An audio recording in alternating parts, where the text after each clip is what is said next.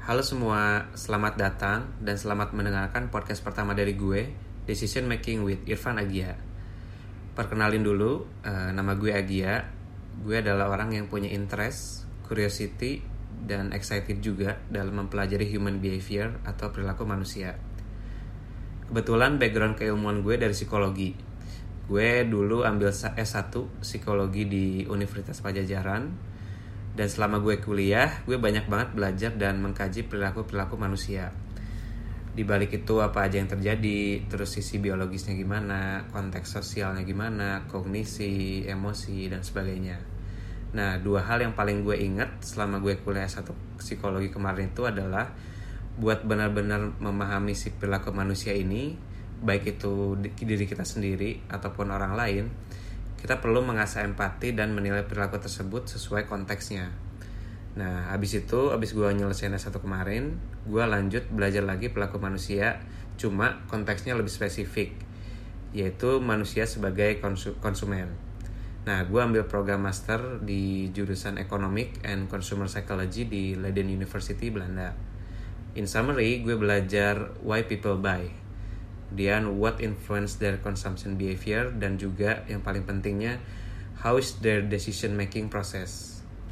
Nah setelah gue beres kuliah tuh gue balik ke Indo uh, applying my academic knowledge in business settings. Nah kebetulan sekarang gue menekuni profesi gue tuh sebagai behavior scientist.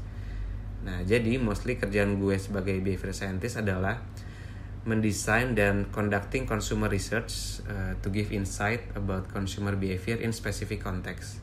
Jadi intinya di di perusahaan atau company kerjaan gue adalah mendesain dan juga uh, mengeksekusi riset-riset konsumen dan ngasih insight ke beberapa bisnis unit di company tersebut, baik itu marketing, sales, produk ataupun uh, divisi lainnya seperti HR juga misalnya.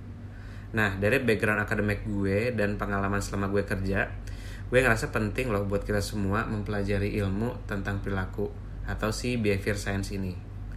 Karena dengan kita lebih paham tentang perilaku kita sendiri dan juga perilaku orang lain Kita bisa lebih bijak mengambil keputusan Terus juga uh, menempatkan diri kita di mana Setting our goals Atau juga mengubah habit kita yang negatif dan sebagainya. Nah kenapa podcast ini gue namain decision making karena menurut gue hidup kita ini adalah akumulasi dari keputusan-keputusan yang kita buat sebelumnya. Baik itu keputusan yang besar dan kita sadari itu ataupun keputusan-keputusan kecil yang mungkin gak kita sadari. Nah, podcast ini tuh sebagai wadah sharing gue yang kebetulan punya background dan senang belajar tentang ilmu perilaku yang diharapkan juga bisa membantu orang yang dengar podcast ini buat dapat perspektif baru yang bisa dipertimbangkan untuk berbagai pengambilan keputusan ke depannya. Nah, di episode pertama podcast ini, gue akan lebih sharing knowledge dan perspektif gue terhadap topik tertentu. Ataupun ada juga contoh hasil bacaan gue terhadap beberapa artikel, buku, ataupun jurnal yang relevan sama topik-topik yang akan dibahas nanti. Nah, ke depannya juga gue bakal ngundang teman-teman gue yang punya expertise secara background keilmuan, orang yang punya pengalaman yang relevan dengan topik yang bakal dibahas. Jadi untuk episode awal, gue akan monolog dan sharing-sharing dulu dan ke depannya gue akan ajak juga teman-teman untuk teman-teman gue untuk ngobrol sih. Nah, buat yang mau lihat summary dari setiap podcast gue nanti, gue akan selalu bagiin key takeaways-nya tuh lewat Instastories. Jadi nanti bisa cek aja di at irfan underscore karena lebih shareable juga konten-kontennya di platform Instagram. Nah, langsung aja kita bahas topik perdana di podcast ini, yaitu ngebahas tentang New Year Resolution. Why most resolutions fail.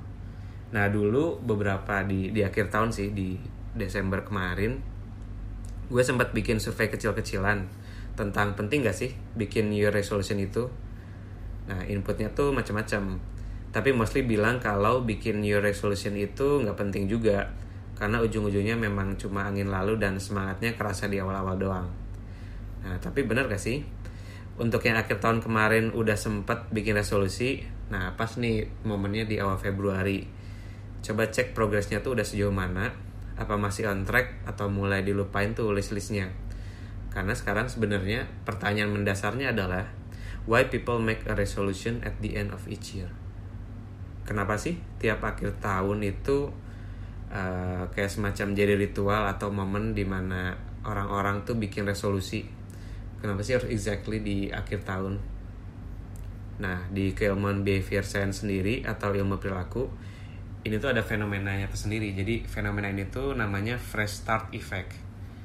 Nah jadi fresh start effect ini tuh ngejelasin kalau orang tuh bakal cenderung melakukan aksi ataupun menyiapkan rencana atau make a plan untuk mencapai tujuan mereka di hari yang merepresentasikan a new beginning.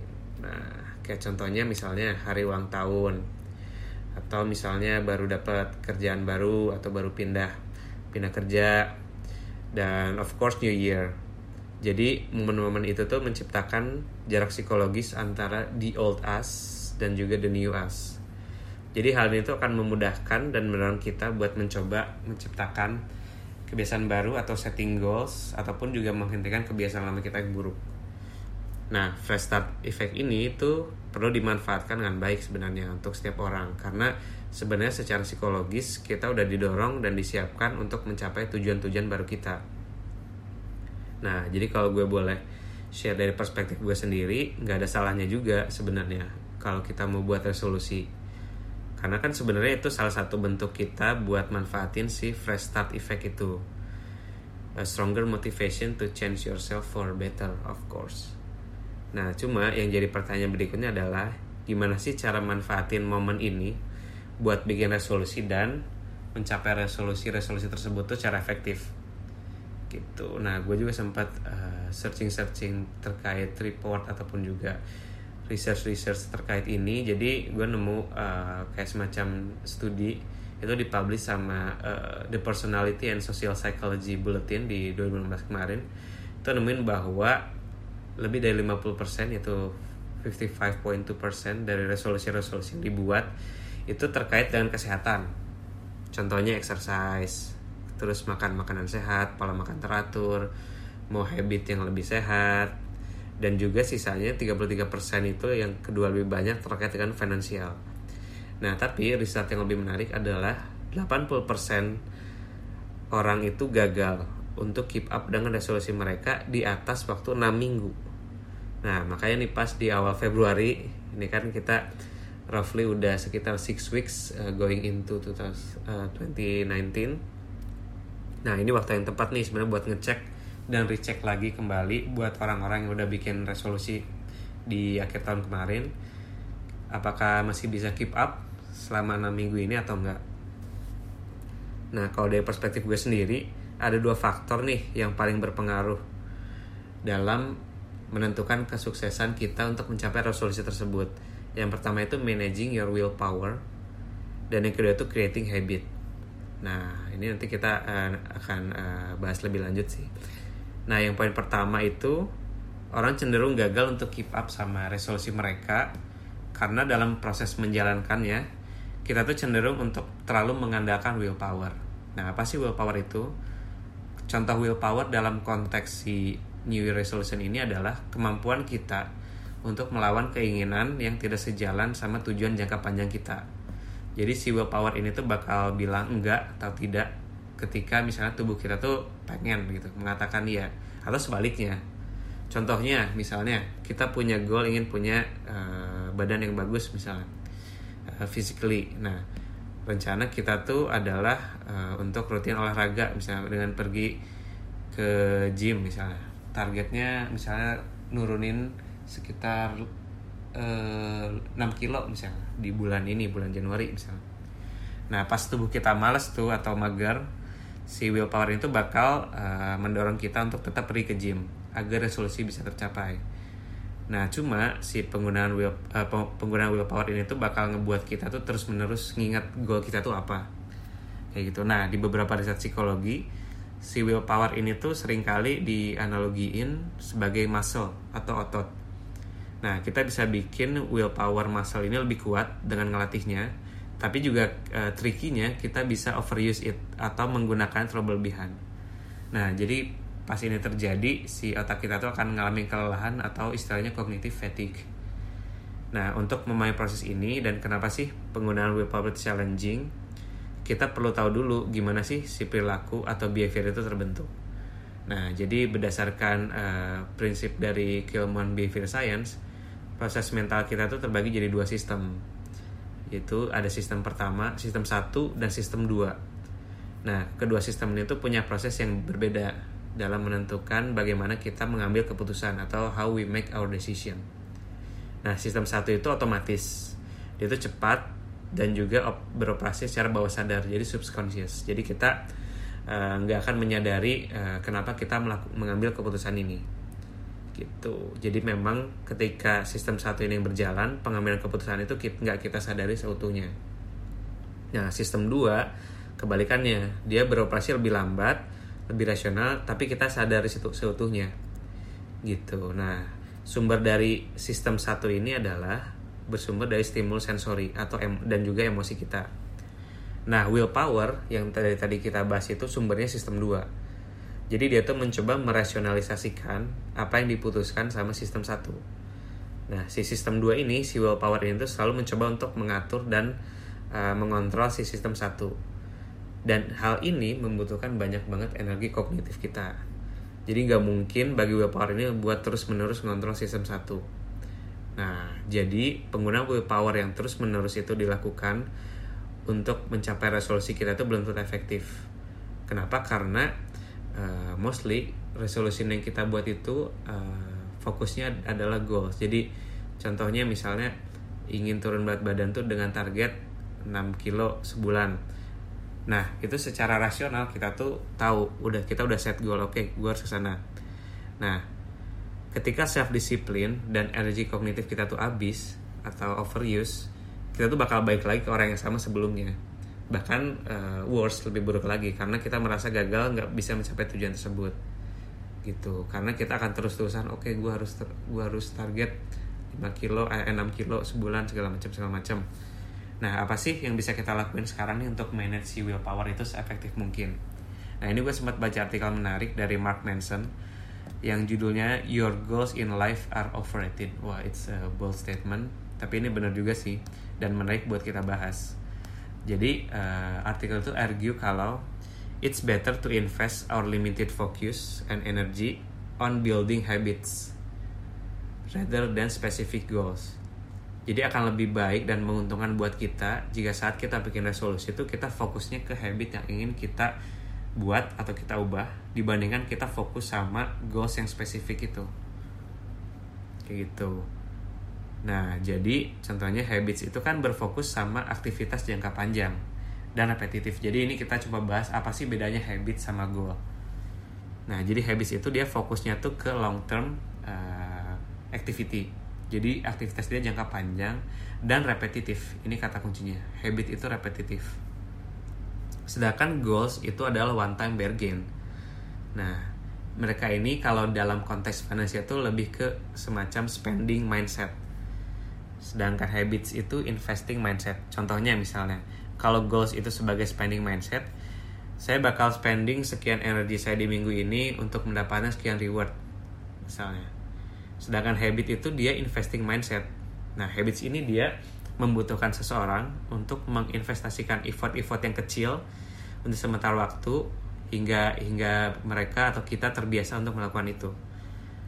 Nah, contohnya goals yang berat badan tadi nih kita bisa fokus sama kebiasaan yang kita bangun atau habits. Start small. Simple daily task. Contohnya start push up misalnya cuma tiga kali aja di pagi hari tapi repetitif. Kayak gitu. Nah habit ini tuh bakal ngebantu muscle memory dan brain chemistry kita untuk terbiasa dan terintegrasi. Jadi habit ini akan masuk di sistem satu. Gitu. Dan sistemnya tuh autopilot. Nah jadi habit ini uh, prinsipalnya adalah lama-lama nggak akan kita sadari.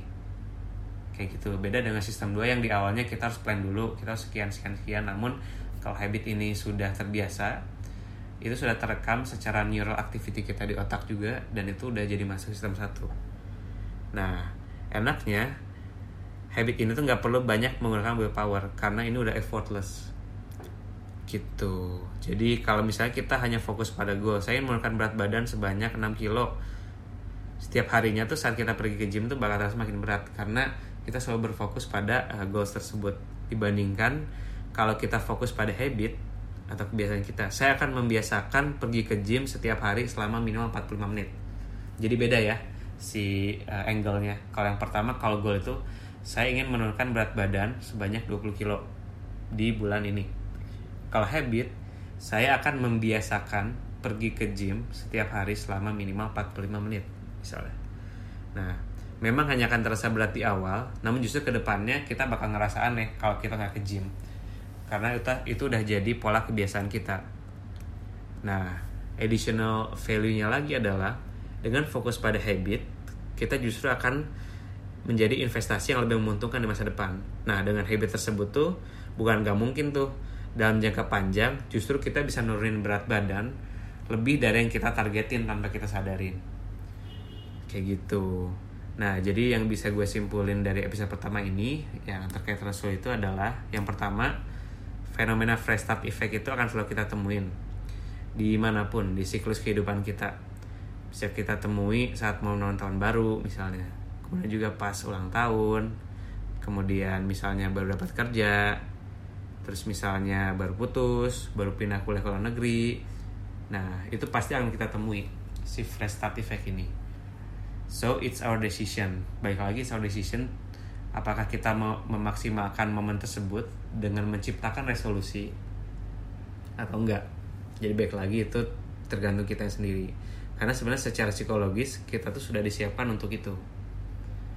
Nah yang kedua ini yang paling penting secara prinsipal dalam kita membuat resolusi.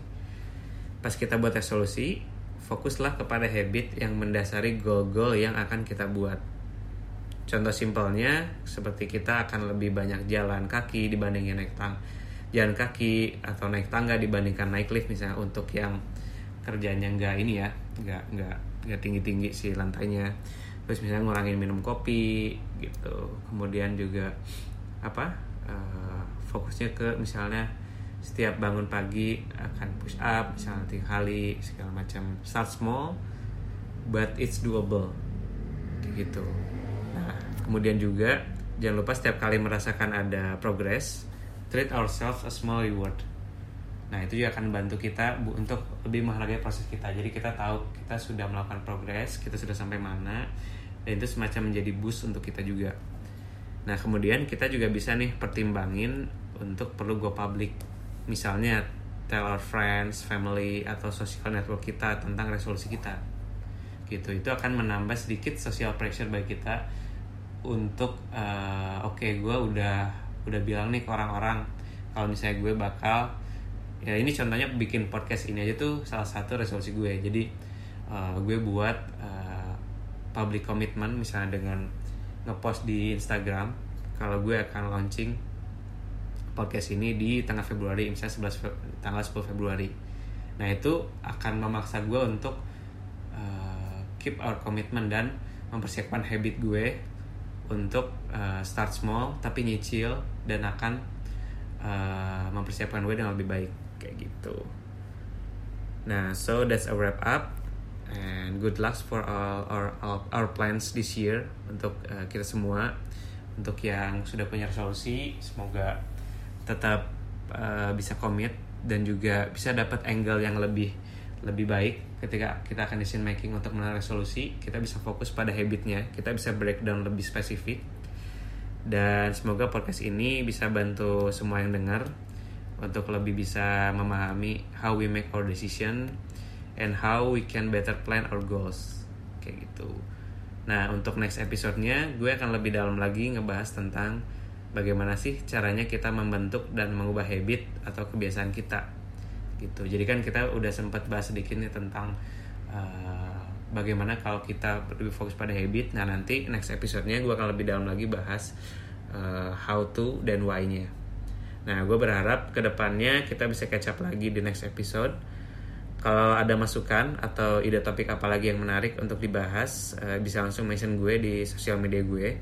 Gue mostly aktif di Instagram dan memang setiap episode podcast ini uh, akan gue share key takeaways-nya di Instagram at.